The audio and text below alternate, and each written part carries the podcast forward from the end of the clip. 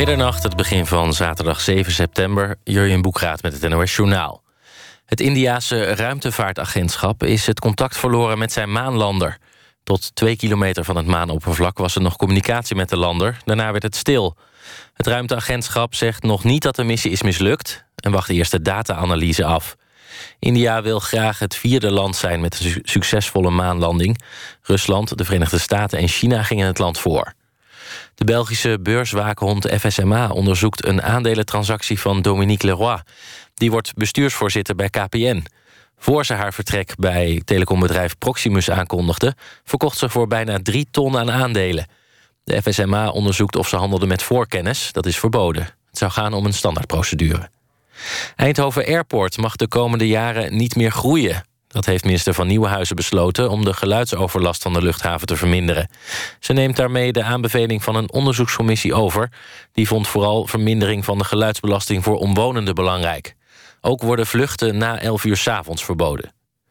Een schilderij van Rembrandt komt toch niet vanuit Israël naar Nederland, meldt Nieuwsuur. Het doek De Knielende Petrus zou als topstuk hangen op een tentoonstelling in het Joods Historisch Museum, die volgende week begint. Het Israël Museum in Jeruzalem heeft nu laten weten dat het voor de bruikleen garanties verlangt van het Nederlands ministerie van Buitenlandse Zaken. De Israëliërs willen de absolute zekerheid dat geen partij beslag kan leggen op het doek. Het ministerie kan eraan niet tegemoetkomen, omdat dat tegen de wet is. Het Nederlands elftal heeft een grote stap gezet richting het EK. In Hamburg versloeg het oranje van Ronald Koeman Duitsland met 2-4. In een indrukwekkende tweede helft scoorden de, Jong, Malen en Wijnaldum. Ook was er een eigen doelpunt van de Duitser Ta. Nederland staat nu derde in de kwalificatiepool... met zes punten uit drie wedstrijden. Het weer. Er trekken flinke buien met onweer en hagel... over vooral de noordelijke helft van Nederland. Morgen opnieuw buien met soms hagel en onweer. Het wordt dan rond de 18 graden. Dit was het NOS Journaal. NPO Radio 1. VPRO. Nooit meer slapen.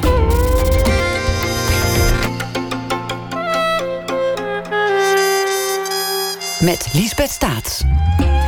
Goedenacht en welkom bij Nooit meer slapen. Het hoorspel half uur volgt na ons om half twee vannacht. En tot die tijd hoort u in Nooit meer slapen onder meer de muzieksessie die we opnamen met de in Parijs geboren singer-songwriter Baptiste. Hamon na ene. En dan komen we ook meer te weten over een nieuw verschijnsel in de boekwinkel, de kakkerlakjes. En we schakelen even over naar Marcella Mesker in New York, die nieuws heeft over de US Open. Marcella. Ja, we zitten aan het eind van de tweede set... in de eerste halve finale mannen tussen Grigor Dimitrov en uh, Daniil Medvedev. Eerste set uh, voor Medvedev, de Rus. 7-6, nu 4 gelijk. Het is spannend, we hebben veel breaks gezien. En uh, we naderen dus de slotfase van set 2. Het gaat om drie gewonnen sets, dus het duurt wel even. Het is dus belangrijk voor Dimitrov om deze tweede set te pakken... en op gelijke hoogte te komen. Dit is de eerste halve finale. Later vannacht komt ook nog Rafa Rafael Nadal in actie. Hij is natuurlijk de huizenhoge favoriet van de vier halve finalisten. En hij speelt tegen die Italiaan, ook een vrij onbekende speler, Berrettini. Maar Medvedev tegen Dimitrov 7-6 in de eerste set voor Medvedev. 4-4 in de tweede. Dankjewel, Marcella Mesker in New York. Ja, en komend uur zit naast mij schrijfster Annegine Goemans. Vorige week kwam haar vierde boek uit, Holy Trientje. Een rijke roman waarin de personages worstelen met grote idealen en grote trauma's. Of, anders gezegd, een bond gezelschap van karakters ontmoet elkaar als ze op initiatief van een bejaarde non willen inbreken in de opslag van Amerikaanse kernwapens in Volkel. Holy Trientje is een verhaal over activisme, maar vooral een ode aan de kracht van het individu. Goemans is journalist en won voor haar romandebuut de Anton Wachterprijs in 2008. En van haar laatste roman, Honolulu King, werden 50.000 exemplaren verkocht. Welkom, Annegien. Dankjewel. Een, uh, een bejaarde non met een betonschaar die in wil breken op een opslag, in een opslagplaats voor kernwapens. Dit zou het begin kunnen zijn van een hele flauwe mop. Ja. Of het begin van een mooi verhaal, maar het is, het is echt. het is echt gebeurd, ja. ja. Wat is dat voor verhaal? Het, het, het is het verhaal uh, over Megan Rice, een Amerikaanse non die in 2012, meen ik, ook op hoge leeftijd, ze was ook al in de tachtig, besloot om het allergrootste kernwapen ja, of de complex met uh, nucleaire opslagplaatsen in Amerika binnen te vallen. En zij deed dat, zoals al er eigenlijk al haar hele leven aan het demonstreren voor de wereldvrede, maar ze vond dat het niet opschoot. en toen dacht ze, ik moet iets heel groots gaan doen en um, dat ik ook echt aandacht krijg en een podium. En toen besloot ze de White 12 Complex in Tennessee samen met uh, twee diepgelovige um, heren, mede-activisten binnen te vallen. En dat heeft ze gewoon gedaan. Dat is niet alleen een, een plan geweest, maar ze is dat ook gaan doen. Ja, ja, ze heeft dat, uh, ze heeft dat gedaan in 2012. En um, midden in de nacht zijn ze vanuit de heuvels uh, in Tennessee, want de White 12 ligt zeg maar in een vallei, zijn ze daar naartoe gegaan gewapend met een betonschaar en nog wat andere met een bijbel en uh, een brood en kaarsjes. En... en... En, wat was het doel? Wat dacht ze daar te kunnen doen? Nou ja, het doel was om binnen te komen, wat eigenlijk onmogelijk is, want het is het uh, zeg maar een soort Fort Knox van het verrijkt uranium. Um, het best beveiligde object, zo'n beetje van de wereld. En uh, ze gingen er ook vanuit dat ze konden overlijden. Dus ze hadden ook afscheidsbrieven mee en. Um, maar ze kwamen bij het eerste hek en um, daar stonden camera's op en dat. En, en dan denk daar, je, nou, daar word ik al snapt. Daar, ging het, daar zou het al mis moeten gaan, maar ze knipten met een betonschaar en ze waren door de eerste. Uh, ze hadden eerst de barricade genomen en toen gingen ze naar het tweede hek. En zo ging dat drie, vier hekken door. En er gebeurde helemaal niks. En ze dachten, nou, dit hek moet onder stroom staan. En er waren ook, zeg maar, het hart van, uh, van dat complex is uh, een enorm gebouw waar een jumbo niet eens kan binnenkomen als je, als je daar wil landen of, of mm -hmm. kwaad wil. Um, er zijn ook uitkijktorens met bewakers, met geweren. En, en niemand zag ze. En ze hebben daar gewoon vier uur lang s'nachts rondgelopen. En het is ook niet donker daar. Het is gewoon een, een uh, verlichte, verlichte plek. plek. Ja. En ze hebben daar van alles gedaan. Um, ze hebben um, flesjes met babyflesjes met mensenbloed uh, bloed van mensen die de actie ondersteunen tegen dat gebouw gegooid. En, Wat luguber. Ja, maar dat, je moet het zien in een traditie van de ploegschadebeweging. Wij hebben ooit Kees, uh, de, uh, de Kees Koning gehad. Die heeft dat ook gedaan, geloof ik, in Nederland. Ja. En dat is een beweging die begon in de jaren tachtig. Um, van geestelijke. die gingen inbreken bij um, militaire terreinen om um, uh, ja, voor de wereldvrede en om die, ja. om die om uh, wapentuigen de wereld uit te krijgen. En zij stond dus in een traditie. Dus zij deed eigenlijk wat je altijd hoort te doen. Dus lekker bloed gooien op uh, muren. Flesjes van bloed gooien en dan leuzen spreken. Ja, vooral uit de Bijbel. En, en na vier uur kwam er één bewaker die dacht van ik ga toch maar eens kijken, want dat, een bepaald alarm bleef afgaan. Maar ze, vaak waren het dan herten of konijntjes en um, en toen zag hij. Uh, en wat gebeurde daar met deze non? Um, nou, hij zag meteen wel natuurlijk dat het om uh, geestelijke ging. En, uh, want ze waren heel. Ze gaven hem brood en ze gingen uit de Bijbel lezen en zingen. En, maar, maar dat was natuurlijk niet ongevaarlijk. Want, nee, dat was levensgevaarlijk, ja. Want ze hadden gewoon neergeschoten. Ja, ze hebben daar de bevoegdheid om je dood te schieten. Ja. Je mag daar niet komen. Um, en daar gingen ze waren ook bereid om te sterven voor, uh, voor die actie. Voor die actie. Ja, en toen kwam de FBI en, en was natuurlijk de volgende dag breaking news. En ook een soort grap van hoogbejaarde non breekt in bij de White 12. En um, hoe is het mogelijk, ook ja. naar 9-11, dat dat kan, weet je? Ja. Dat je gewoon met een betonschaartje naar binnen kan. En, um, en zij, er hing ook, uh, wegens sabotage, konden ze 35 jaar gevangenisstraf krijgen. Maar uiteindelijk zat ze drie jaar in de cel. En, um, oh, ze heeft wel echt gezeten. Ze heeft dus. echt, echt flink gezeten ook. Ja, ja. ja op, op maar die... PR-technisch is het natuurlijk geweldig. Want niemand wil een non uh, nou ja, neerschieten... en al helemaal niet 35 jaar opsluiten als ze al boven de 80 is. Nee, en die rechter zei ook wel dat ze natuurlijk wel het land een dienst hadden bewezen... om aan te tonen hoe slecht beveiligd het was. En het was particuliere beveiliging, dus dat hele bedrijf is daarna ontslagen. Um, dus het PR-technisch uh, was natuurlijk ook ja, een non. En, en ze is ja, ook nog, als je haar gaat opzoeken, uh, zo oud. En uh, ze ziet eruit als je oma. En, maar ze is wel hiertoe in staat. Ja. En, um, maar ze hebben het niet echt uitgemolken. Want dit verhaal, ik las het dan in de New Yorker. Ehm, maar in Europa was het verhaal me niet bekend. Dus het is echt gewoon. Maar dat verhaal, dat sprak jou zo aan. Dat werd de inspiratie voor dit verhaal, voor jouw boek Holy Trientje. Ja, want ik wilde, ik wilde al iets met kernwapens doen. Na uh, mijn laatste boek Honolulu King, daar had ik al iets geschreven over de bom op Hiroshima. Um, en wat ik niet wist, was dat dat een mislukte bom was. Dat, daar kwam ik achter tijdens de research. En er is eigenlijk maar anderhalf procent van die bom op Hiroshima afgegaan. Um, dat is tot. Dat, is, dat, dat, wist ik Nee, dat is, dat is dus maar een heel klein gedeelte. De rest is onschuldig in de luchtruim vervlogen. Maar die, die, die bom had al uh, mislukt. Uh, het eerste probeersel uh, atoombom had uh, natuurlijk al iets van 80.000 mm. doden tot gevolg. En daarna natuurlijk veel fout aan mutatieziektes en stralingsziektes. En ik vond dat eigenlijk zo schokkend dat dat mislukt was. En wat als het wel was gelukt, ja. weet je wel? Ja. En, um, en wat maken ze vandaag wel niet aan wapens? En uh, dat is ongelooflijk. Dat is natuurlijk.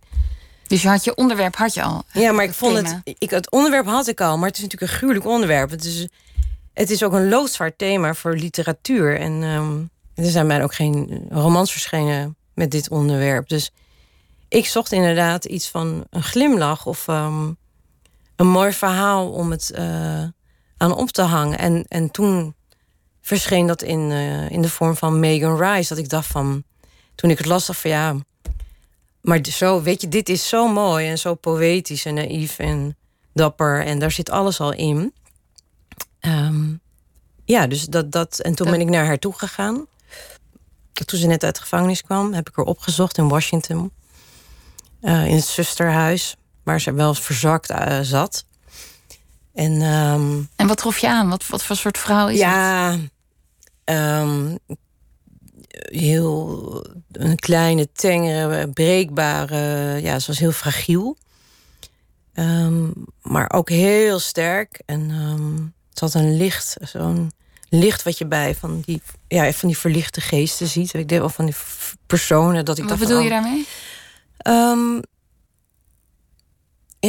Ja, ze, ze was verlicht. Ik, totaal verlicht vond ik haar. Ook hoe ze sprak over de gevangenis en over haar daad. En zonder rancune en uh, nooit drammerig, maar um, uh, op een hele mooie manier en, en positief. En want ik zei op een gegeven moment: Vindt u niet dat het mislukt is, die actie? Want ja, het, er wordt geen bom minder geproduceerd. En, en toen zei ze: van ja, maar zo moet je dat natuurlijk helemaal niet zien. Want uh, het zijn de zaadjes die je plant. En jij bent hier nu ook uit, uit oh ja? Nederland. Dat en, was mede het effect, ja. Ze had ja, wel gelijk, natuurlijk. ja. Ja. En ze zei ja. En jij gaat mij nu ook helpen om het verhaal uh, in Europa te verkondigen. En, en uh, zodat we die wapens de wereld uit kregen. Dus ik dacht wel van nou, dat is wel een behoorlijke opdracht die ik hier mee krijg. En ik, ik, daar zo zat ik er natuurlijk ook niet. Maar ze raakte me wel. En ik dacht ook wel van ja, maar dit is wel een heel groot onderwerp. En dit is heel serieus. En um, ik, kan, ik kom hier niet even om een verhaal te nee. halen. Je zegt net, ja, ze, is, ze was heel positief en ze sprak daar heel mooi en poëtisch over. Ja. Um, en hiervoor zei je, ja, het was ook heel naïef. Maar was het wel naïef? Ja, misschien niet. Met, um, ik dacht, ja, ik, zij wist natuurlijk donders goed dat zij, omdat ze een non is, ook een soort schild om zich heen heeft. Ja, maar je ziet van de buitenkant natuurlijk niet dat ze non is. Want uh, ze had doodgeschoten kunnen worden, maar ze was echt ook bereid om te sterven. En ze zei, een non sterft uh, makkelijk, want ik heb geen... Uh, geen ja, gezin? Geen gezin. En, en, um, dus voor mij is het heel makkelijk om te sterven. En um, ja, dus ik, ik vond daar ook wel een soort naïviteit in. Dat ik dacht van, hoe krijg je dan op deze manier ze de wereld uit? Wat bedoel, kan je niet...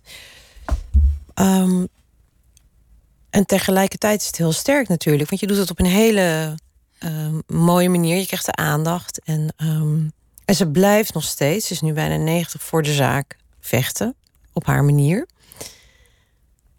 En er, het zijn golfbewegingen, zo ziet zij dat. En, ja, ja. Um, en daar is zij dan onderdeel van. Ja, en zij zegt ja, uiteindelijk zal de goedheid en de zachtheid overwinnen. En, um, maar we hebben geduld nodig. Dus ik vond, het raakte mij enorm. Ja. Ja. Uh, ja. En jou, nou, het boek heet niet Megan Rice of Holy Megan. Nee, het heet Holy Trientje. Ja, Ja, want Trientje, ook zij is op een, eh, een echt persoon ja. gebaseerd. Wie was Trientje? Eh, Trientje was mijn oud-tante. Zij was ook non. Ehm, en ze leken ook wel op elkaar. Dus toen ik bij Megan Rice zat in Amerika...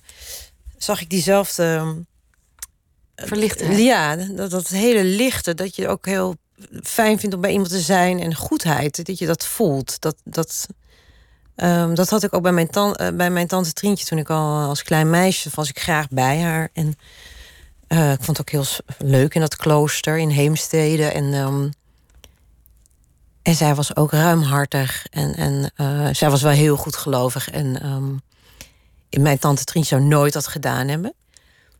Maar zij leeft niet meer. Zij is al ehm, 17 jaar dood. Maar ik, ik was wel heel erg gesteld op haar.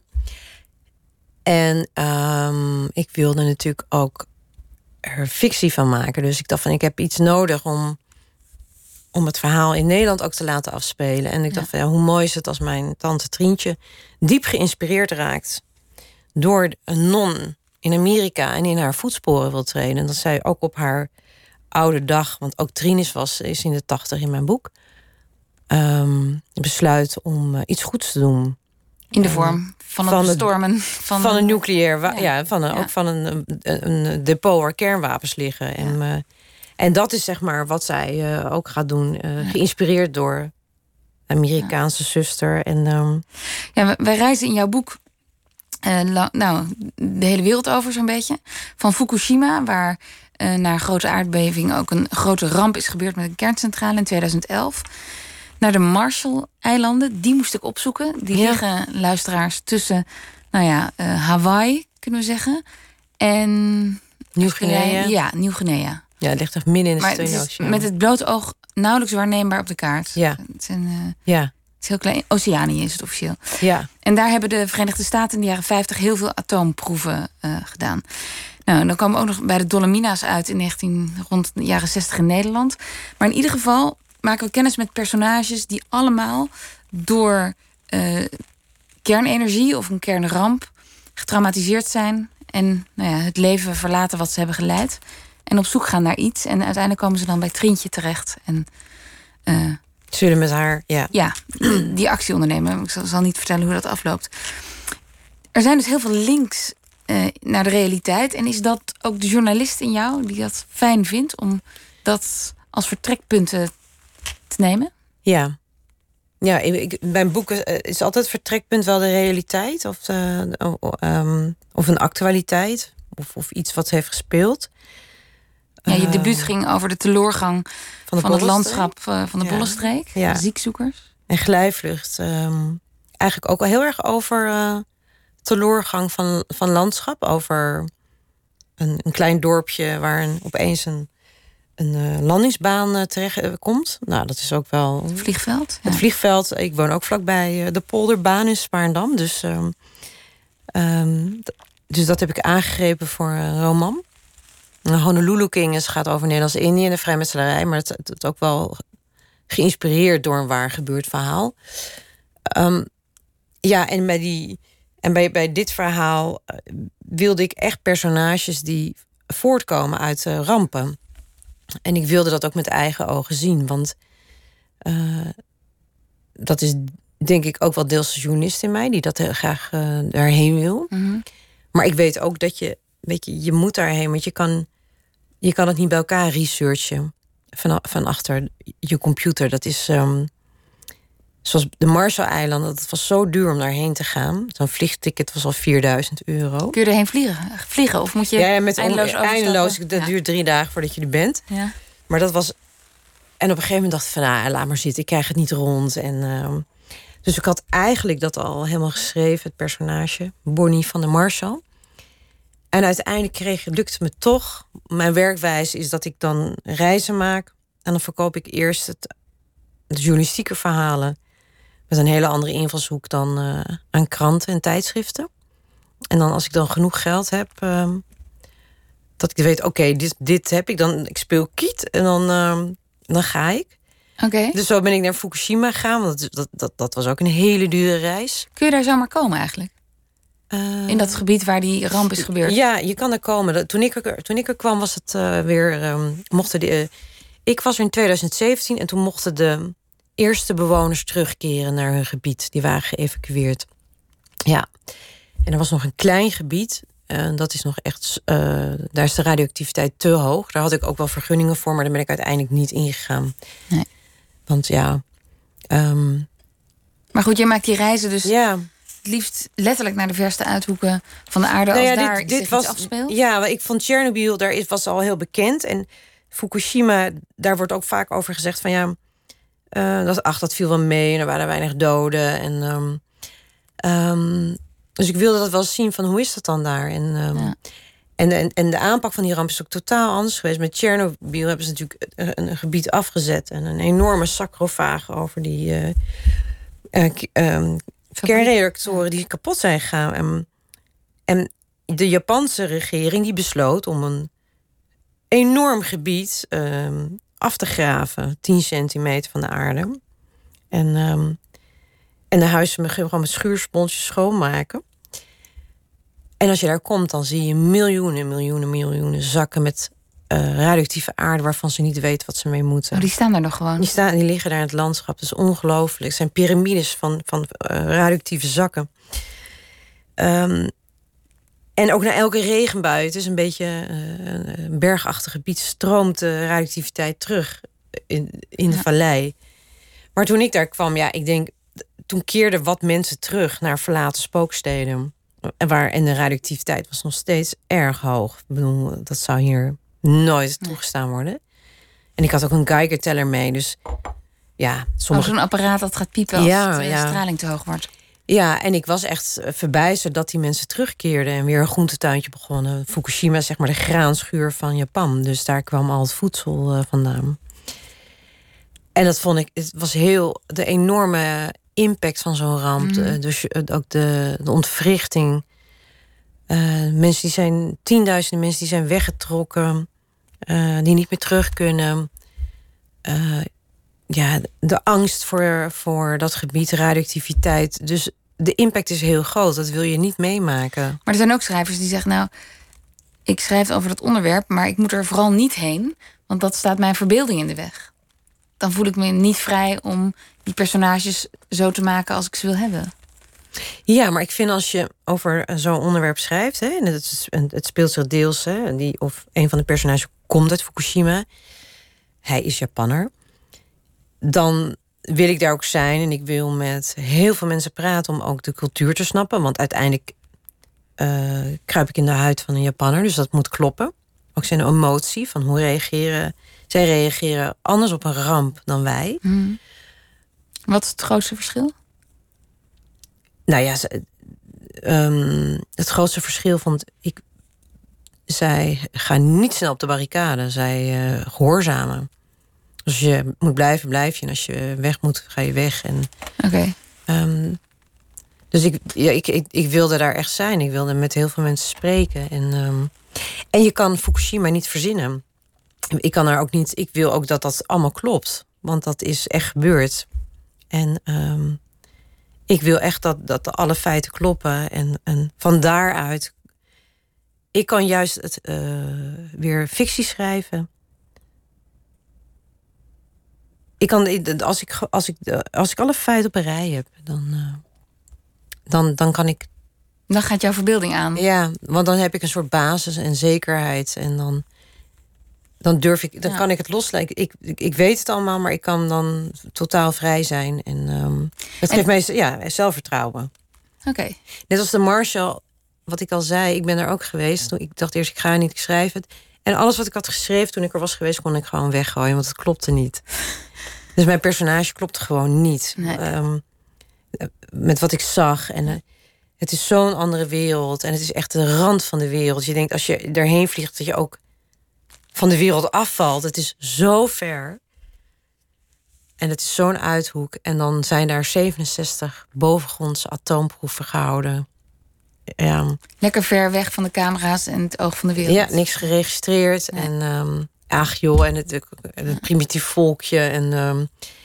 Maar toch nog even over die reizen. Ja. Um, en je zou ook kunnen denken, nou, mijn thema is het gevaar van kernenergie.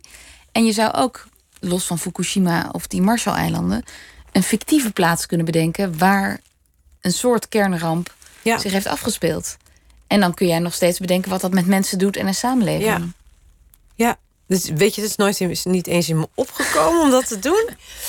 Eh, om, eh, het is niet in me opgekomen. Ik zou het ook nooit doen, omdat we die plekken hebben die onbekend zijn. En, en, eh, Ja. dus die vind ik al boeiend genoeg. De, ik vind de werkelijkheid al heel boeiend. Eh, en ik vind het heel belangrijk dat ook mensen daar, dat als je het leest, dat je ehm, denkt van, ah, dat wist ik niet. En ehm, dat je, dat je het eh, tot nadenken aanzet. En als het fictief is, dan kunnen mensen zeggen, ja, maar weet je, dat is fictief en zo zal het nooit zijn. En dan kan je het ook eh, makkelijker van je afzetten. En Ja. ik, ja, ik heb toch wel een opdracht meegekregen van Megan Rice Maar ik, ik ben, nee, ik, ehm, ik wil echt mensen Ja. ook Maar dan, bewust is de maken. vraag, maar dan is de vraag: eh, je bent in Amerika geweest, zo'n Megan Rice, die leent zich natuurlijk perfect voor literaire non-fictie. Waar Ja. ze in Amerika zo goed in zijn. Ja, Journalistiek met een literair karakter. ja. Is, ja, Dat heb ik niet- Nee, Ja, Nee. het lijkt nu net alsof ik jou op allemaal andere gedachten wil brengen. Dat is niet zo, maar Nee. ik vraag me af. Nee, dat wilde ik niet. Ehm, er was een Amerikaan bezig ook eh, met een boek eh, over haar actie. En ook in een breder perspectief over de Plowshare Movement. Ehm, daar heb ik heb wel over nagedacht. Maar ehm, ik, ik, ik woon natuurlijk in Nederland. En eh, in Nederland is zij totaal onbekend. Dus daarbij kon ze heel slecht over zichzelf praten. Oké. Ze was zo nederig. Dus ze zei, elke keer als ik over haar begon, dan zei ze nee, maar ik was, deed het ook samen met, met, met, met, die, met die twee mannen en met Michael en met, eh, met Greg. En ik wil niet dat alle aandacht naar mij gaat. Dus Mm, zij, zij kon zichzelf ook helemaal niet neerzetten. Of, ehm, nee. dus dat, dat vond ik eh, geen optie. Dus dat heb Ja. ik ook eh, losgelaten. Ik, ik vond het ook. Eh, ik heb me laten inspireren door haar daad. Maar uiteindelijk heb ik het ook weer losgelaten en doe ik ermee wat ik wil in mijn boek. Ja. Ja, En weet ze dat het boek er is? Heb je het, ga je het brengen of ga je het opsturen? ja, ja. ja. Ehm, mijn uitgever heeft het boek gestuurd. Of daar, toen was het nog niet af, een soort dummy en een t-shirt met Holy Trientje en mijn naam. En eh, opgestuurd. En ehm, met de vraag: wil je een fotootje sturen? En eh, voor dat kun je gebruiken. Dat heeft ze meteen gedaan. Dus ehm, ze stuurde een foto met het t-shirt en het boek. En ehm, Ja. eh, met een hele mooie mail stuurde ze me over ehm, hoe fantastisch ze het vond. En eh, dat we allemaal één grote familie zijn. En dat ze ook echt Ah. hoopt dat we, dat we een verschil gaan maken. Hier in de discussie over kernenergie. Ja. En gemiddeld research jij op deze, eh, nou ja, thoroughly, waarom spreek ik nu Engels? Op deze enorme diepgravende wijze. Gemiddeld vier jaar per boek. Ja. En ik vroeg me af, kun je dan nog stoppen met researchen? Want het, het blijft maar interessant. En op een gegeven moment moet jij dan, als je fictie gaat maken, de knop omzetten. En nu moet ik er literatuur Ja, ja, dat kan ik wel. Jawel. Het is natuurlijk. ehm, ik doe er steeds vier jaar over. Het is een research, maar het is ook het schrijven. En ehm, ik doe ook nog andere werkzaamheden. En ik heb ook een gezin. Dus het is niet. Weet je, dit- voor mij is het tempo van vier jaar heel prettig. Ehm, en ik kan dat research op een gegeven moment echt stoppen. Dat ik denk van nee, nu is het goed. Want dat onderwerp, kernenergie, ja, daar. Is- ja, ik heb het wel heel erg afgebakend. En Ja. ehm, ik heb op een gegeven moment ook gewoon een deadline. Dus dan weet ik van, nou, nu moet ik het loslaten. En dat is prettig. Ja. Ja. Maar dat, dat, dat lukt jou wel. En ehm, de personages, behalve dat het mensen zijn met, met verledens en problemen en relaties, delen ze een bepaald soort activisme. Ze gaan uiteindelijk de barricade op om te strijden voor eh, het lot wat hen. eh, tegen het lot wat hen is overkomen. Je hebt zelf ook op de barricade gestaan. Je zei net al, ik woon naast een eh, aanvliegroute, de Polderbaan. ja. Ja, waar bestond jouw activisme uit? Mijn activisme bestond... ehm, het begon eigenlijk toen ik op de school van journalistiek zat. Toen heb ik, eh, ging ik voor het eerst de barricade op. Dat was een hele... ehm, ja, dat vond ik ook een inspirerende omgeving. Voor het eerst werd ik me heel erg politiek bewust. En dat was in de begin jaren negentig toen de Balkanoorlog eh woedde. En toen kreeg je natuurlijk al die verschrikkelijke beelden. En uh, verbaasde mij dat uh, er niet werd ingegrepen door de, Vereniging, door de VM. En toen heb ik twee demonstraties georganiseerd voor gewapend ingrijpen in voormalig Joegoslavië. Ja. In Den Haag en Amsterdam. Ja, in, die in Den Haag was nog wel een redelijk succes, maar in Amsterdam was echt een mislukking. Maar ik sprak wel. Uh, de troepen toe. Ik, ik strap, ja, ja, ja. Ik ging echt uh, op Binnenhof en uh, ik was totaal daarvan in de bam. En ik, ik ook betrokken, heb me er jarenlang voor ingezet en daarna nooit meer. In ieder geval heeft het me helemaal niet meer bezig gehouden, wat echt wonderbaarlijk is. Maar wel. Maar je dook daar helemaal in. Helemaal. En dat is ja. En je dat vond past... ook dat er geluisterd moest worden naar. Ja, en ik ben studenten. Ja, in, uh... ja, en dat was niet echt een, een heel een populair standpunt. Want het was natuurlijk een linkse school. En dat was best wel rechts om uh, in te Voor gewapend uh, ja. ingrijpen te pleiten. Maar dat maakt ook niet uit. Nee. Dat, dat ik. Um, ik, dat, dat, maakt. Ja, ik ging graag de barricade op. Ik vond het ook prettig. En ik ben het eigenlijk wel altijd blijven doen. Um, toen ik in Sparndam ging wonen, 18 jaar geleden, zo'n mooi klein dorpje tussen Amsterdam en Haarlem, zo'n groene buffer. Dat ik van oh, rustig, was fijn als je een gezin begint. Um, toen kwam er, dat, dat was natuurlijk een hele relatieve rust, want aan alle kanten wordt er aan, dat, aan die buffer uh, uh, gemoord. En, dus we kregen eerst die polderbaan. Van Schiphol? Ja, die bleek dwars eroverheen te gaan. Ja. Dus toen heb ik er ook uh, oh, twee demonstraties georganiseerd. Toen woonde okay. ik ja, tegen de herrie. Want het was echt verschrikkelijk. Het was een snelweg over ons dorp. En, dus um, ik was ook woedend. Want het was echt beloofd dat dat over de weilanden zou gaan. Maar we waren gewoon enorm genaaid door Schiphol. Uh, iedereen natuurlijk. En... Um, en toen de, kwam er ook nog een Landal Green Park. Ja, dus dat heb ik gedaan. En toen kwam er ook nog inderdaad tegenover ja, sorry, op het, de, de, de stelling van Amsterdam. Wat UNESCO is, zou een Landal Green Park. Er kwamen nieuwbouwwijken. Dus ik heb tien jaar lang. Op die barricade gestaan. Op de barricade gestaan. Dus, je kon je, dus dat schreef jij zo op in die roman, hoe dat activisme uh, zich in Ja, ja, ja ik heb heel veel ervaring met uh, spandoeken. Maar ja, ja. ja. ja dat. dat uh, en heb je dat nog steeds? Nee, want op een gegeven moment ben ik ermee gestopt. Uh, Ook heel bewust dus? Ja, op een gegeven moment hebben we een zaak verloren bij de Hoge Raad. Wat zo oneerlijk was.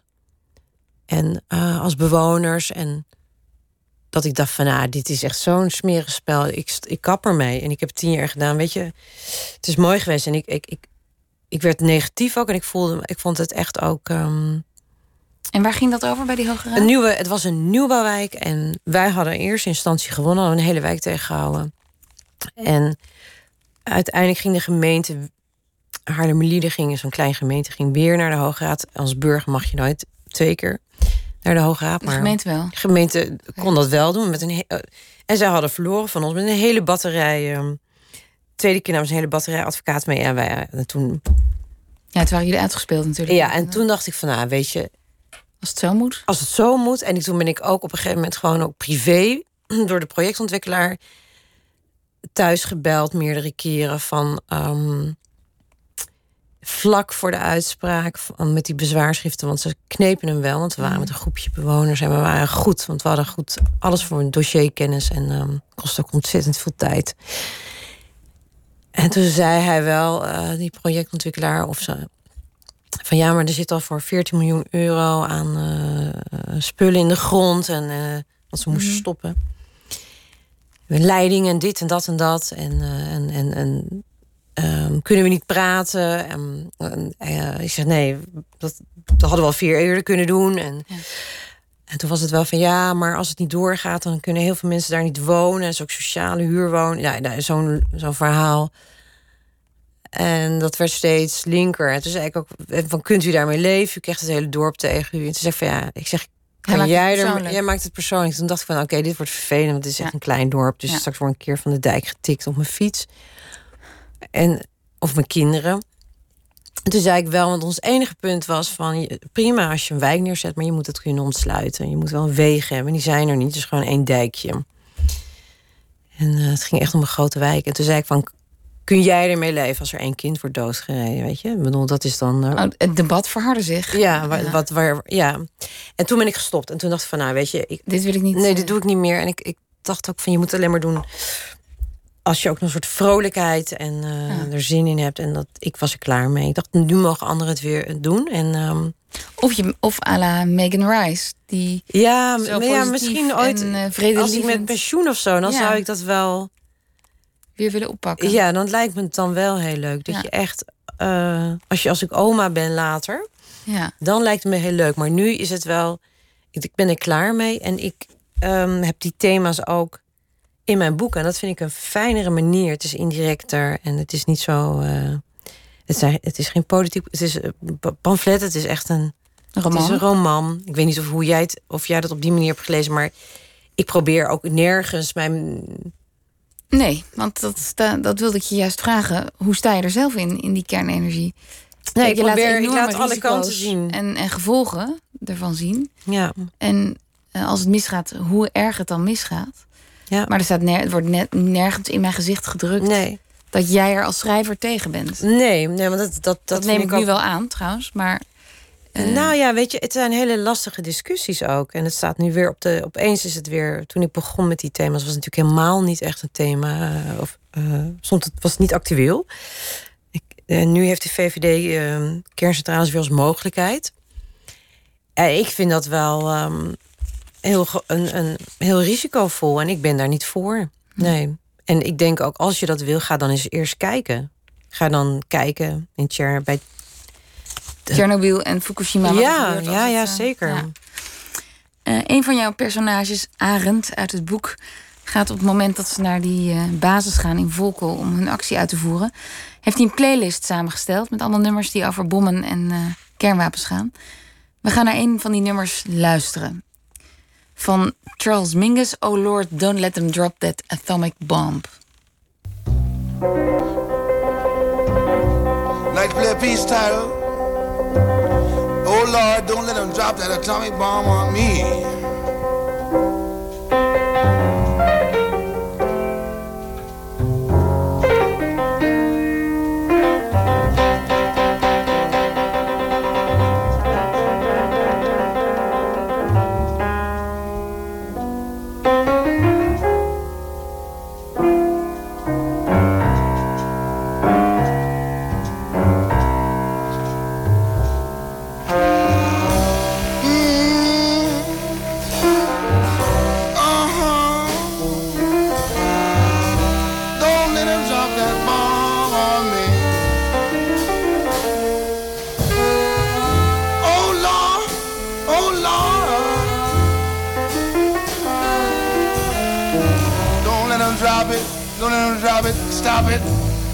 Bebop.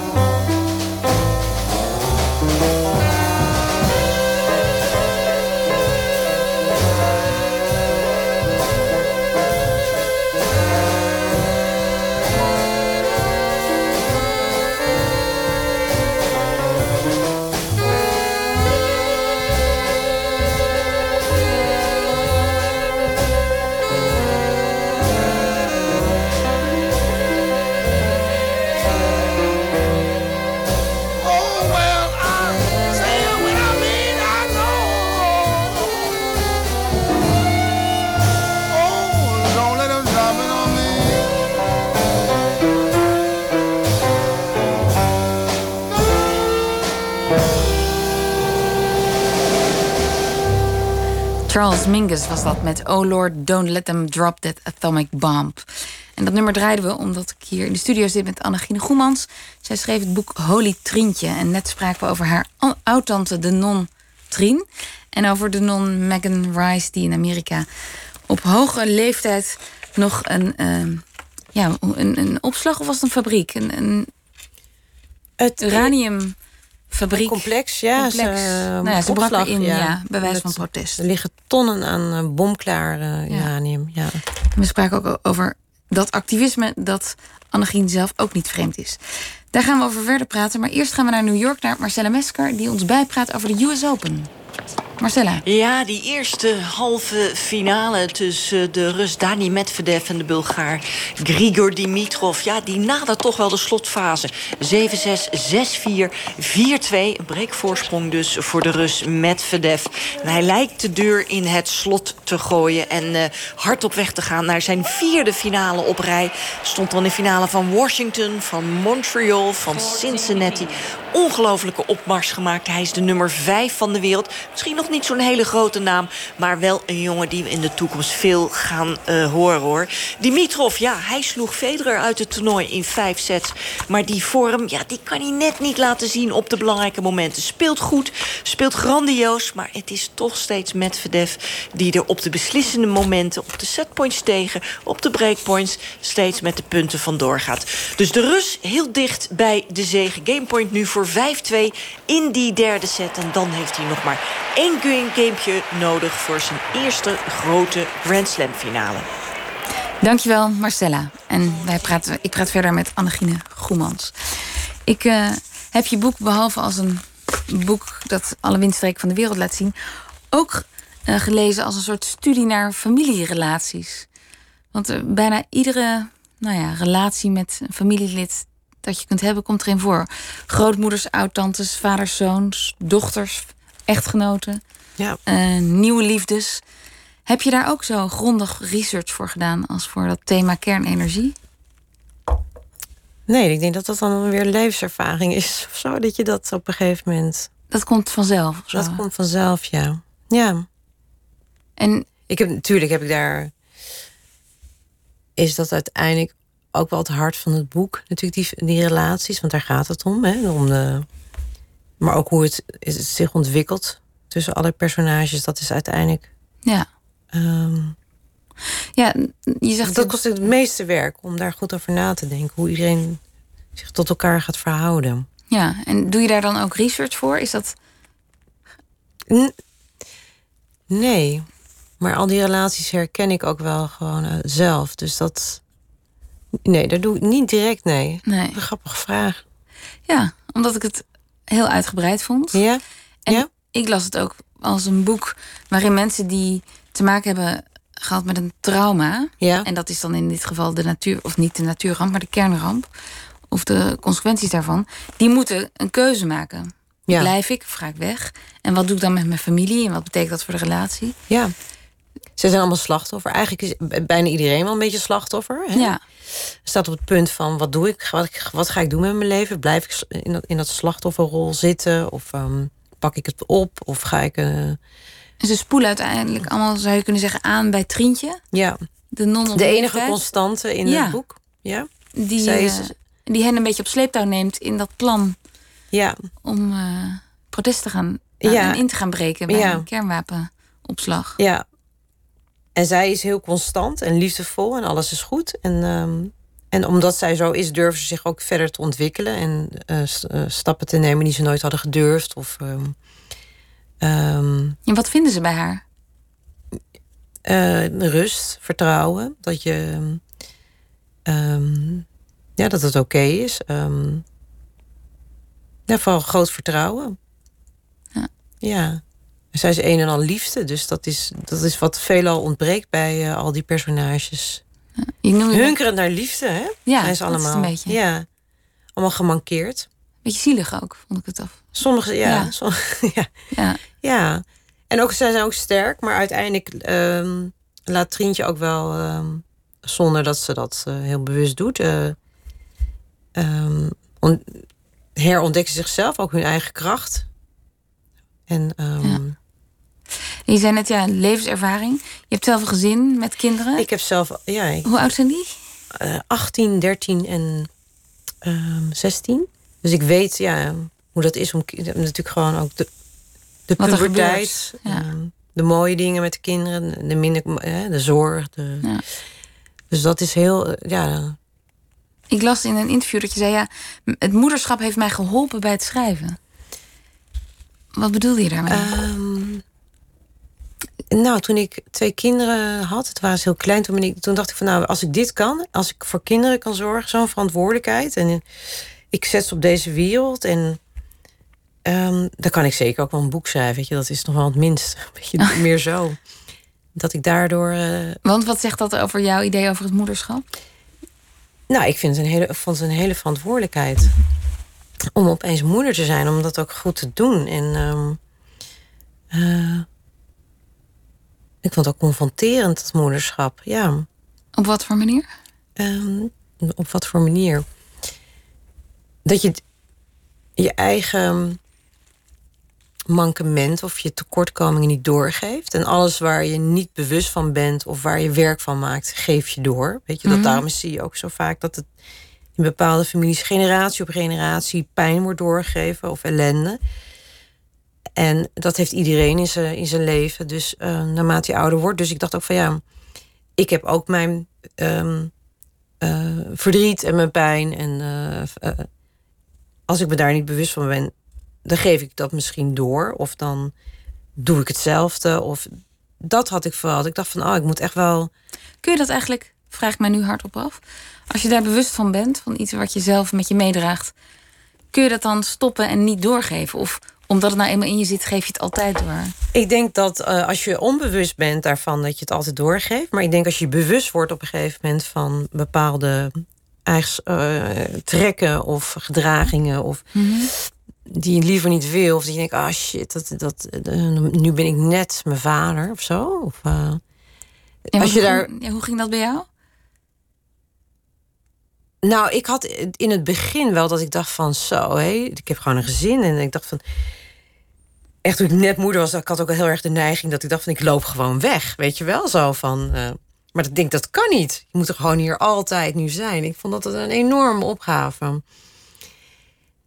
En het was voor mij heel erg een spiegel. En ik ben hem wel aangegaan. Eh, alles wat er bij mij ehm, nog aan, aan oud zeer zat. Ik van, daar moet ik wel wat mee. Want anders ga ik het doorgeven aan mijn kinderen. Dus dat wilde ik niet. Dus het heeft me heel erg bewust gemaakt. Maar het heeft me ook heel sterk gemaakt om, ehm, om dingen te doen zoals boeken schrijven. Of en nu dat ik in mijn eentje maak ik al die reis. Ik ga altijd alleen. Ik heb geen eh, eh, team mee, weet je wel. Dus ook naar de Marshall. Dan zit ik daar een maand in mijn uppie. Ehm, het geeft mij heel veel kracht ook. Ja. En juist ook omdat ik thuis zo'n mooi gezin heb... dat ik denk, als ik, dat heb ik thuis. Ik, ga niet, ik kom niet in mijn eentje terug. Dus ik voel me enorm rijk. Dus het is ook fijn thuis te komen. En omdat het zo'n fijne, veilige basis is... kan ik daar ook heen. Ja. En je zegt, ja, ik, ik moet eerst in de spiegel kijken en oud zeer ehm, nou ja, aangaan of daar iets mee doen. Ja, Dat klinkt makkelijker dan het is. ja, dat maar is, lukt dat? Is dat jou gelukt? ja, dat is mij wel gelukt, ja. Ja, ik kom uit een gezin waar eh, mijn ouders zijn ges- eh, gescheiden... in een tijd dat dat nog niet zo vaak gebeurde. En ehm, mijn vader die kon dat echt niet voor een gezin zorgen. Dus daar heb ik wel, zeg maar, ook wel... net als elk kind... eh, heb ik daar wel verdriet van meegekregen. En, en daar ben ik wel eh, heel erg altijd mee bezig geweest. Op een gegeven moment, zeker toen kinderen had. Ik dacht van, oké... ehm, Nu sta ik in in de andere rol. ja, en ik wil niet, eh, ik wil niet in zo'n situatie terechtkomen. Ik wil, eh, ik wil echt dat het een fijn en veilig thuis is. En niet dat dat altijd lukt, maar tot nu toe ehm, gaat dat, ja, gaat dat goed, weet je wel? Ja. Is het gewoon. Ja. Nee, dus ik, ik denk dat het wel gelukt is.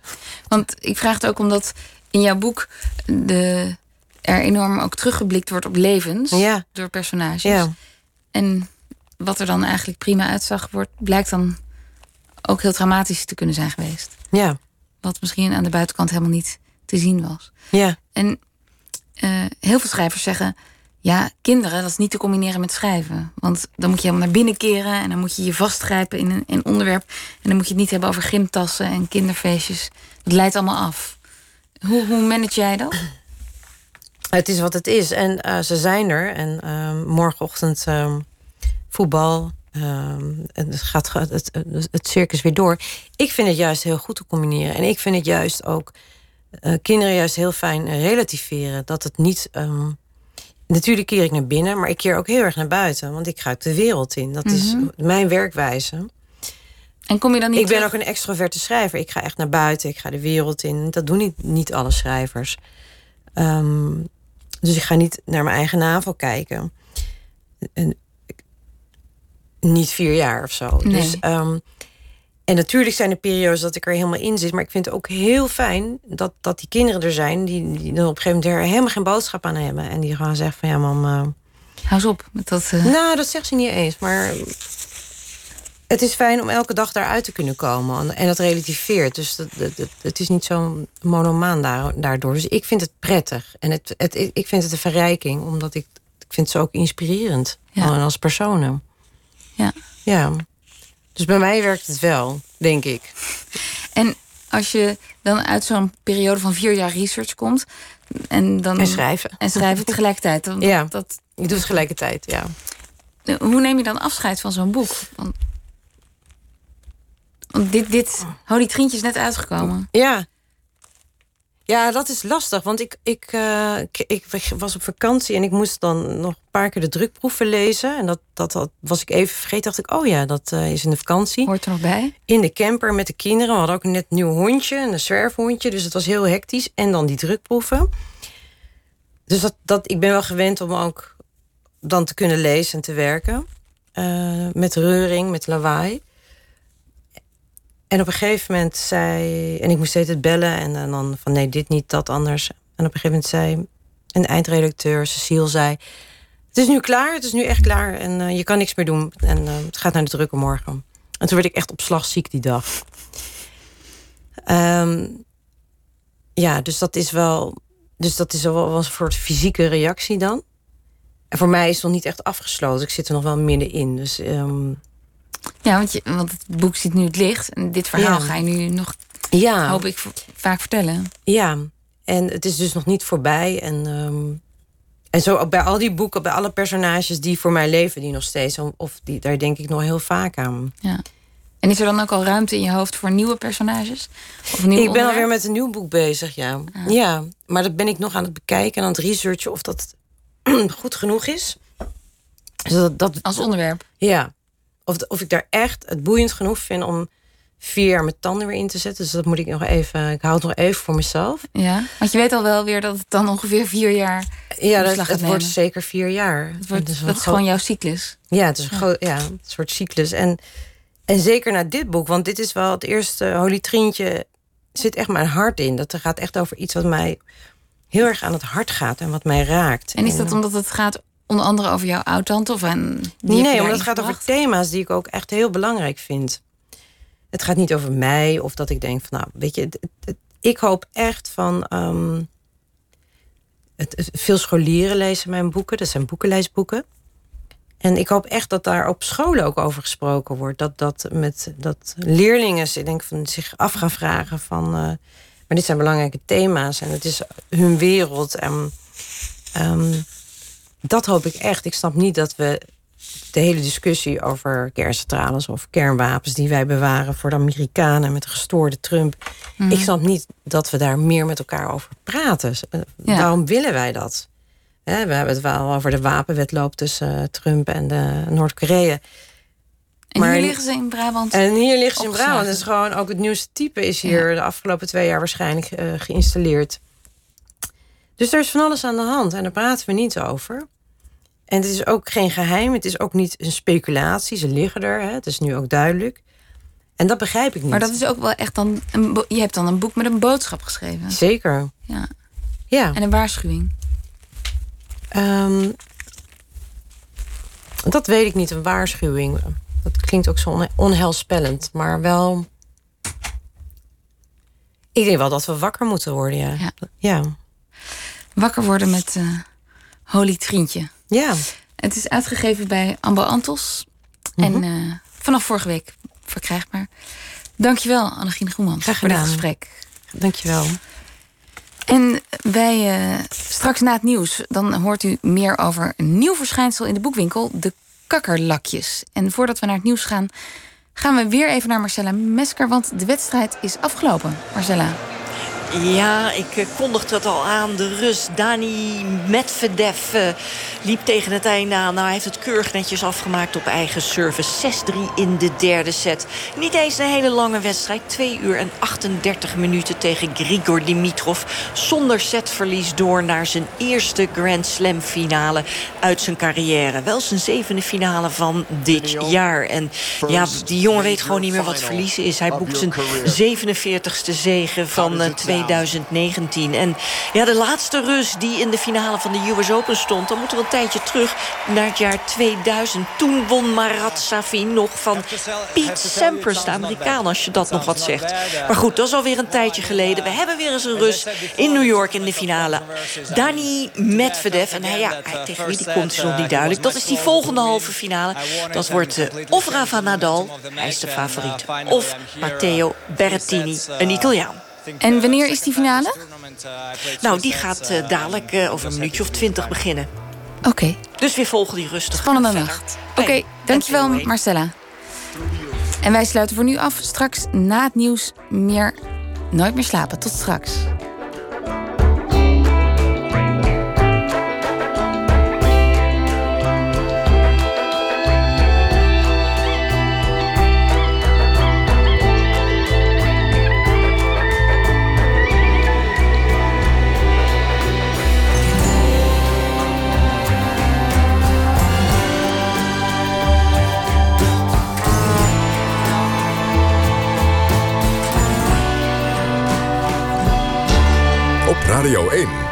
Nieuws van alle kanten.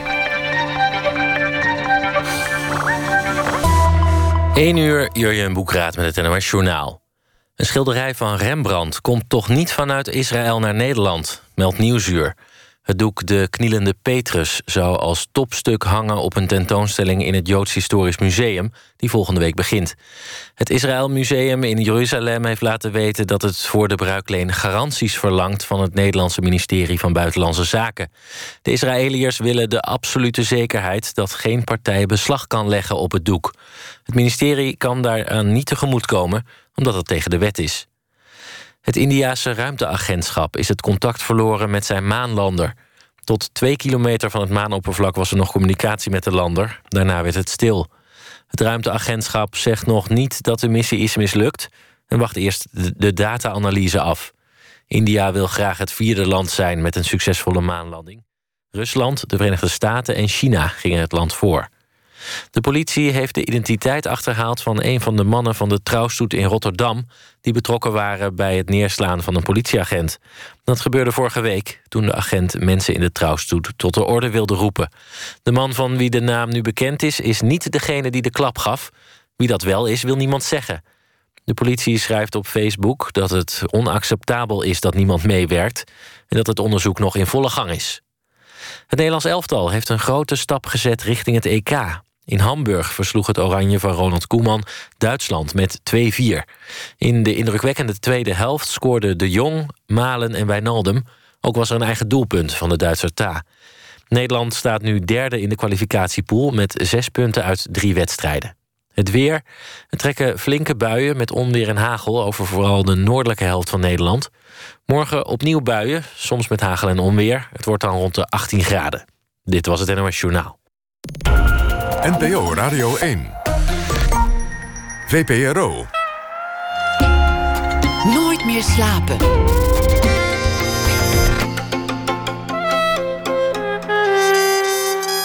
Met Liesbeth Staats. Welkom terug bij Nooit meer slapen.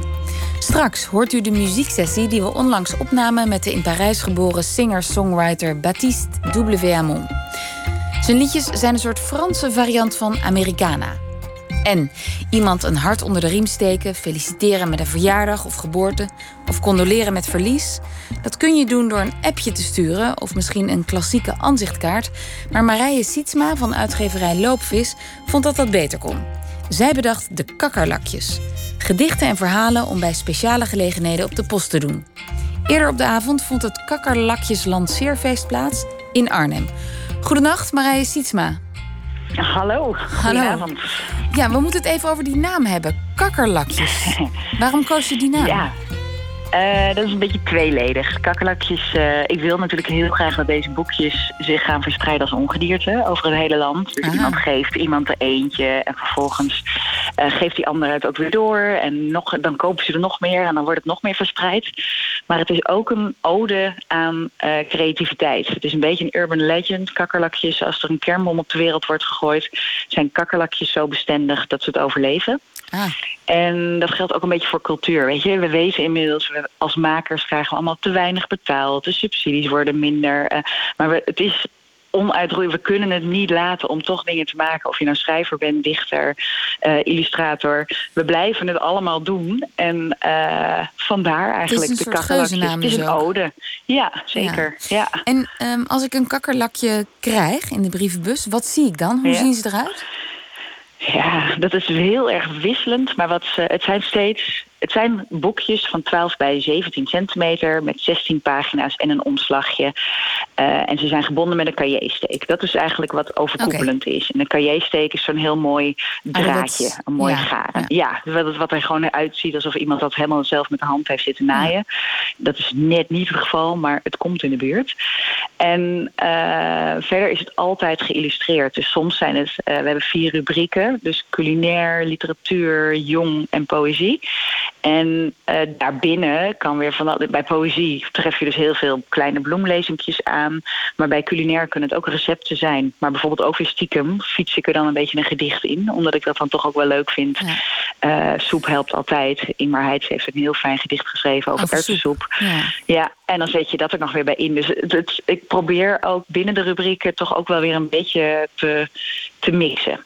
Dus, en als ik iemand een en kaart. is altijd geïllustreerd. En als ik iemand een kaart wil sturen naar aanleiding van mm -hmm. overlijden, in plaats van ja. een kaart met, met innige deelneming, kan ik dan nu ja. een mooi gedicht over verlies of afscheid sturen. Is dat ja, het idee? We hebben één ja, dat is het idee. Je stuurt gewoon. Weet je, er zijn heel veel momenten in het leven waar je eigenlijk niet zo goed woorden hebt om iemand te troosten of om iemand een hart onder de riem te steken. En dat uh, kunnen dichters en schrijvers natuurlijk heel goed. Dat zijn ook de momenten dat, uh, dat mensen naar poëzie grijpen. Hè? Liefde en, en, en dood en, en verlies. Dat zijn ja. momenten dat mensen vaak naar poëzie grijpen. Wij hebben dat nu gebundeld hierin. En bij Over de Dood hebben we inderdaad een heel mooi boekje met de uh, titel Een taart zonder kaarsjes ontleend aan een gedicht van Wim Hofman. En dat zijn drie gedichten over de dood. En dat is dan weer een beetje aan elkaar geboetseerd met illustraties van uh, Anne Cesar van Wieren. En dan, dan stuur je gewoon net iets meer. Je hoeft ook ja. eigenlijk bijna geen woorden er meer in te zetten. Er zit voorin wat ruimte om uh, je naam neer te zetten. En eigenlijk is het dan goed. Je, je zegt al heel veel. En de afgelopen week heb jij in een camper, is mij verteld, ja. het land doorkruist om die kakkerlakjes persoonlijk bij boekhandels af te leveren. Ja, waarom in een camper? zelfs. Nou, omdat het echt, Nederland is misschien een heel klein landje. Maar als je een, uh, een bus gevuld hebt met heel veel molens met, en heel veel boekjes. en uh, probeert in negen dagen ruim 90 winkels te bereiken. dan kan het niet anders dan dat je af en toe eventjes moet overnachten ergens. Dus ik heb op uh, vooral veel campingjes in Zeeland gestaan. Want daar in de buurt was de kaartmolenleverancier. Oké. Okay. Maar steeds, ja, weet je, ik moest nieuwe voorraad molens halen en dan weer door het hele land crossen. En je, ja, weet je, ook, ik wilde er ook, het moest ook een beetje leuk zijn dat die boekhandels dachten van goh, hé, hey, daar komen ze. Onthouden. Ja. Ze moesten onthalen ja. en dat werkt op deze manier ook hartstikke goed. Ja. Maar ik wilde er ook de tijd voor nemen. En dan snoep ik die tijd liever niet af van mijn tijd bij de winkeliers of onderweg leuke, handige dingen doen. Dan komt hij wel, ja, weet je, dan geef ik iemand anders, moet de cavia's dan even eten geven. Dat kan best. Slaap en, ik wel in de camper. Vanavond was het feest. Ze zijn nu officieel uitgebracht. Gefeliciteerd. Hoeveel soorten heb je nu? 32. 32. Want ah. daar heb je die molens weer. We wilden eigenlijk, ik wilde heel graag die molen meteen gevuld hebben. Die dat, staat dan in de boekhandel? Dat het echt staat. Ja, ja 32 ik. titels in een boekhandel. En dat, uh, dat staat het tenminste. En Anders waar... breng je eerst één boekje uit. En, en waar koop ik ze? Uh, tot nu toe, vooral bij de betere boekhandel. Gewoon echt door het hele land. Uh, maakt niet zoveel uit waar je woont. Je kunt er ook naar vragen. Ze kunnen ze gewoon bestellen. Ja, waar dan ook. Maar wel de stenen winkels. Dus we hebben minder online. Ja. ja. En uh, ook steeds meer cadeauwinkels. Maar daar zijn we net. Die ga ik nu rondrijden. Maar dus dat, dat, dat is heel goed. Dan kom je nog eens in een boek, boekwinkel. Ja, maar daarom. Precies. Ja. Dankjewel Marije. En uh, heel veel succes met dit nieuwe genre, de kakkerlak. Dankjewel. Dankjewel.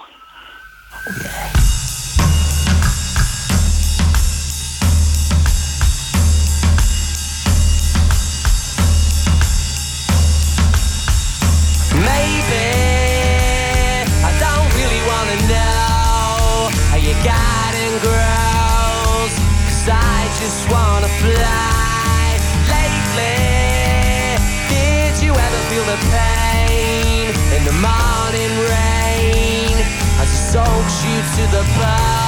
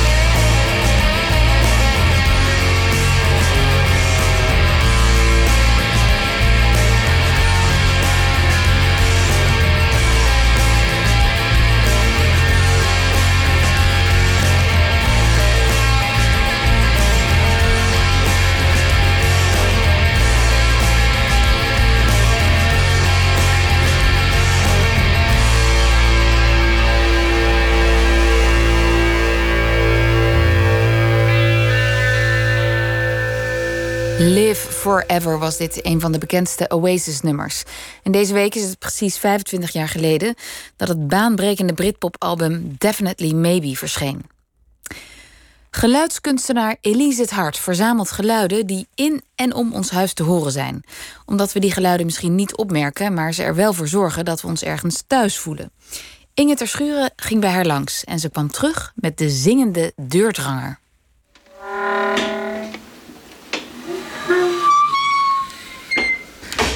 Hier horen we uh, de zingende deurdranger uit mijn uh, geluidenarchief. En um, nou ja, het is een, een, ik vond het een vrij muzikale deurdranger. Omdat hij toch een soort lijkt te zoeken naar mooie tonen. Uh, terwijl je de deur open en dicht doet. Dus ik vond het zeker waard om deze op te nemen in, in het archief. Waar is hij opgenomen? Hij is opgenomen bij, bij mijn opa en oma thuis. bij mijn stiefopa en oma. Hier in, in Dordrecht. En uh, wij zaten een tijdje in hun huis toen wij uh, uh, tussen twee huizen in zaten. Het huis van de, de deurdranger en het huis waar wij. Of het huis van de knarsende dorpel en het huis waar wij nu wonen. En um, als je dan. wij zijn er best wel een tijd geweest. Ik denk een week of zes hebben wij daar gewoond. En. Um, dan is het zo leuk dat je zo'n nieuw geluidenpalet in huis hebt. Want er zijn allemaal geluiden die je zelf niet kent, um, die anders klinken dan je gewend bent. En deze deurdranger was uh, nou ja, een van de meest opvallende geluiden. Omdat je deze deur vrij veel gebruikt in huis. Um, dus dat, dat was wel uh, meteen raak. Ja. Vind je dit een fijn geluid?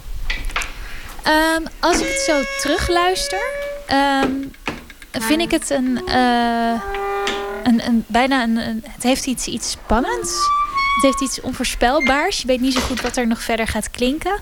Terwijl als je bij die deur staat en de deur open en dicht doet, is het heel logisch dat dat geluid klinkt.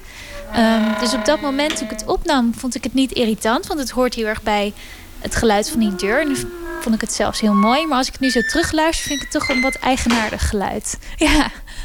Ja, het was ook precies mijn associatie. Dat ik dacht, als ik dit geluid hoor, denk ik... oh, dat is zo'n deur waarvan je iedere keer tegen elkaar zegt... daar moeten we eens iets aan doen. Ja, dat kan ik me ook wel voorstellen. Dat kan ik me heel goed voorstellen. Als dit in je eigen huis klinkt, dat je denkt... die moeten we smeren of die moeten we... Uh, moeten eens die doordranger vervangen. Of, uh, nee, zeker. Dat kan ik me ook heel goed voorstellen. Maar als je zes weken in een huis bent... heb je die, misschien die neiging wat, wat minder. Dan accepteer je het wat meer zoals het is. En ik, ik weet nog wel, toen ik de opname nam, dat je dus. Uh, toen ik de opname maakte, dat ik um, heel erg ging zoeken naar de verschillende tonen van de deurdranger. Want hij klonk natuurlijk altijd uh, zoals hij klinkt als je de deur open en dicht doet. Maar hier ging ik toch natuurlijk ook nog wel even kijken... waar zitten die tonen dan precies? Hoe ver moet ik de deur wel of niet open doen? Waardoor je bijna aan het muziek maken was met die deurdranger. En vandaar dat ik hem ook de zingende deurdranger heb genoemd. En waar in huis zit hij? Hij zit uh, van de hal naar de woonkamer. Dus het is ook nog best wel een geluid wat veel klinkt en daar in huis. En je opa en oma zelf, hebben die, uh, heb je het met hun over dat geluid gehad? Horen zij het nog? Weet ik even niet. Nee, waarschijnlijk wonen zij al tig jaar in dat huis en is het zo gewoon geworden. Ja, zo'n zo'n geluid hoort op een gegeven moment ook gewoon helemaal bij jouw huis. Dus dat is, ja, tenzij je dus zo irriteert dat je zegt... Goh, we moeten ze mee smeren. Uh, maar het kan je ook juist een fijn onderdeel zijn van je, van je dagelijkse geluiden. Ja.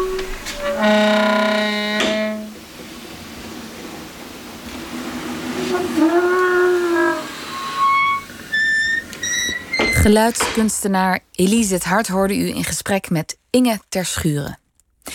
Met regelmaat nemen we in de Amsterdamse platenzaak Velvet Music muzieksessies op. Met muzikanten uit binnen- en buitenland die op uitnodiging van Nooit meer slapen live een paar liedjes komen spelen. Twee weken terug was het podium voor Baptiste W. Hamon geboren in Parijs. En als er iets als Franse Americana bestaat, dan maakt hij dat.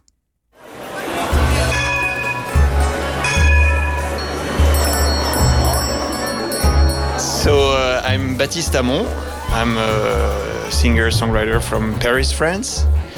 So I'm a lot influenced by uh, American singer-songwriters and um, Americana music, and at the same time by some old French singers from the 60s and, and 70s. So I usually tell people that I'm doing some Americana music, but in French. I will play one song from my uh, last album. It's actually the the title of my album, Soleil Soleil Bleu. It's, it's a personal song. I didn't know when I wrote it that I was telling so much about myself and my youth, and uh, and there are still some mysteries in that song actually that I still need to I still need to figure out all the the enigmas that are in there.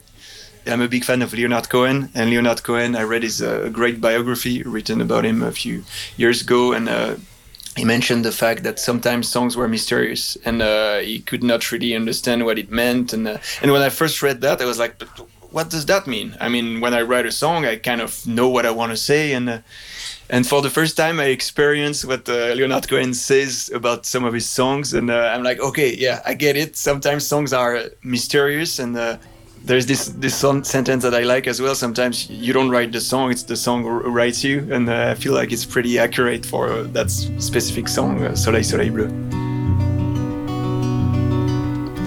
La lune tourne sur ma peau, je ne fais plus l'enfant, non. Tu l'as mordu l'enfant, il s'est perdu, frisson d'un autre temps. Tu te souviens les rondes, tu te souviens les danses de cette nouvelle France que nous cherchions. À l'ombre du grand saule en pleurs et la groseille de l'été qui me séchait la bouche, était-ce un rêve, non? Tu te glissais comme un fantôme, tu m'indiquais les vignes claires. C'était juillet et le raisin couvait son arôme.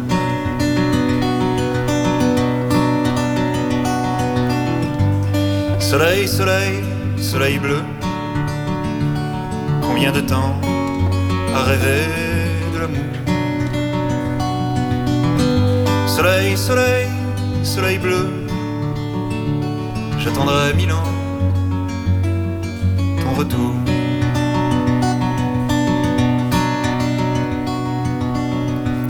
Et puis de promenade en promenade, nous nous perdions dans les méandres de nos craintes, de nos soupirs, de nos complaintes de nos espoirs aussi peut-être celui des amoureux seconds transis par les faux la honte et le chagrin, et par l'espoir aussi peut-être. Soleil, soleil, soleil bleu, de temps à rêver de l'amour? Soleil, soleil, soleil bleu, j'attendrai mille ans retour.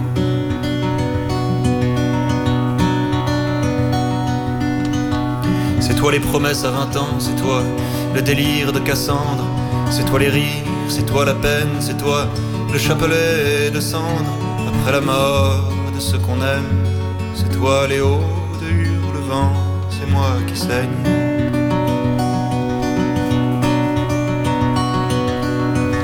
C'est toi les fjords de Norvège, c'est toi la Lone Star d'Abilène, toi la tristesse blonde, la rivière indolente, toi le serein qui s'impatiente, la migraine, moi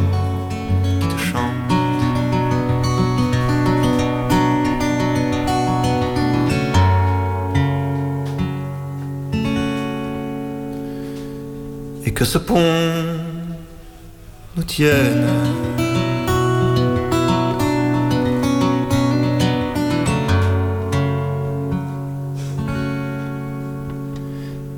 que ton règne vienne.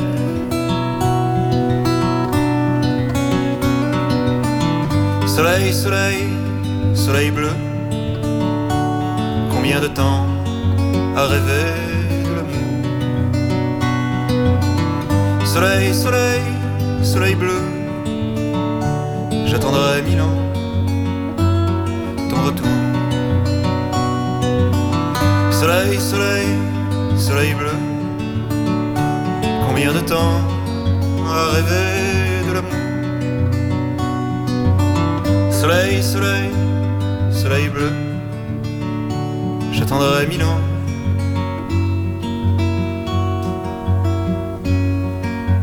retour.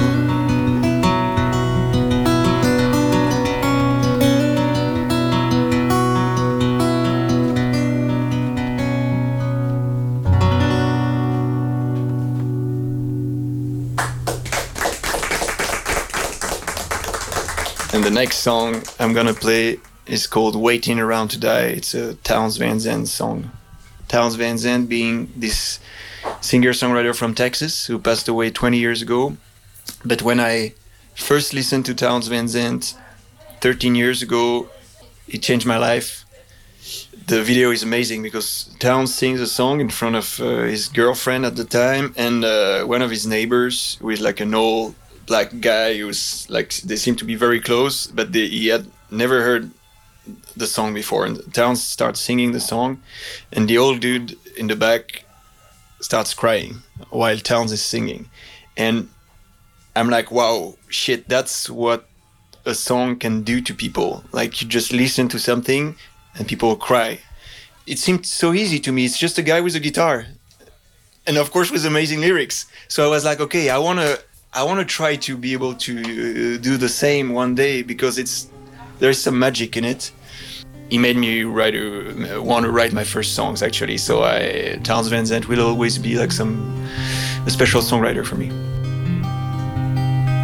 Sometimes I don't know where this dirty road is taking me. But sometimes I can't even see the reason why.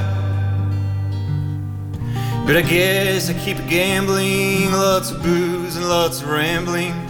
Seemed easier than just waiting around to die. But one time, friends, I had a ma, I even had a pa. Well, he beat her with a belt once cause she cried. Well, she told him to take care of me. She headed down to Tennessee. Seemed easier than just waiting around to die. Well, I came of age and I found a girl in a Tuscaloosa bar. Well, she cleaned me out and hit it on the slide. Oh, the posse called up with me and dragged me back to Muskogee. And it's two long years of waiting around to die.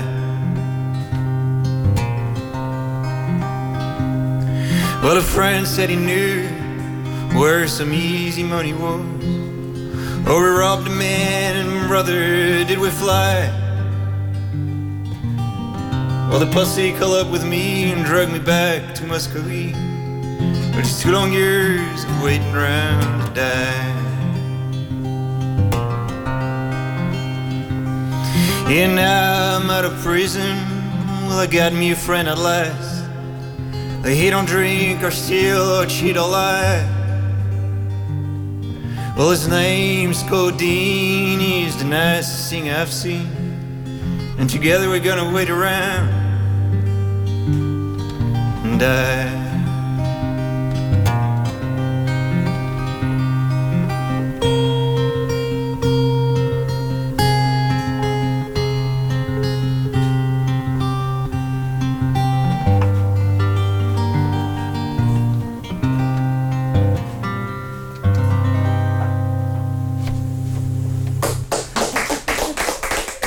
The next song I'm gonna play is called Comme la vie est belle. And it's also a very special song for me because um, I have the chance to sing it on my first album with a, a great American folk singer called Bonnie Prince Billy. He was uh, one of my heroes when I was 15 years old, and I got the chance to meet him when I recorded my first album in Nashville. And he sings with me on that song, Comme la vie est belle. Prisonnier de l'enfance On s'étonne, on revient, on s'écrit, on s'avance, on recherche un destin, c'est la terre qui nous dicte. Un semblant de conduite, c'est l'automne qui nous ment, qui fait venir l'ennui à l'approche de la nuit, à la croisée des rires, dans nos sombres efforts, et les embruns qu'on respire, il y a ces choses tendres, et ces envies d'oubli, il y a ces pas qu'on étend sur une route indécise. Et comme la vie est belle Et comme ce monde est sourd Au moindre de mes peines Frêle Et comme nos corps sont frêles Et Et comme l'histoire sème au vent nos espérances. Oh, je crois que je t'aime, mais la musique est lente et je crois que la France ignore ma démence. La seule chose qui me plaît, ce sont ces larmes qui me hantent et ces cahiers fermés où j'écris l'inconstance. Belle, et comme la vie est belle, et comme ce monde est sourd au moindre mes peines. Frêle, et comme nos corps sont frêles, et comme l'histoire sème au vent nos espérances, au vent nos espérances.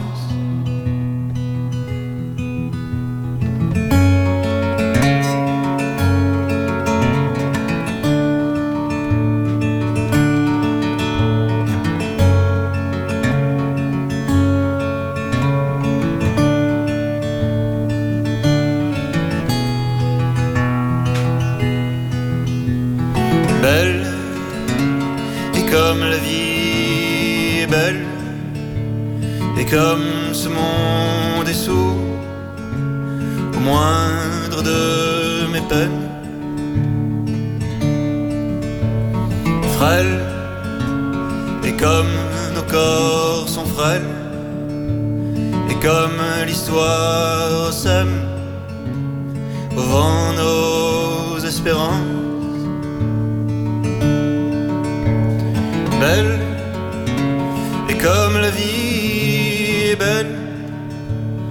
comme ce monde est sourd au moindre de mes peines. Frêle, et comme nos corps sont frêles, et comme l'histoire sème au vent nos espérances au vent nos espérances. Belle, et comme la vie belle.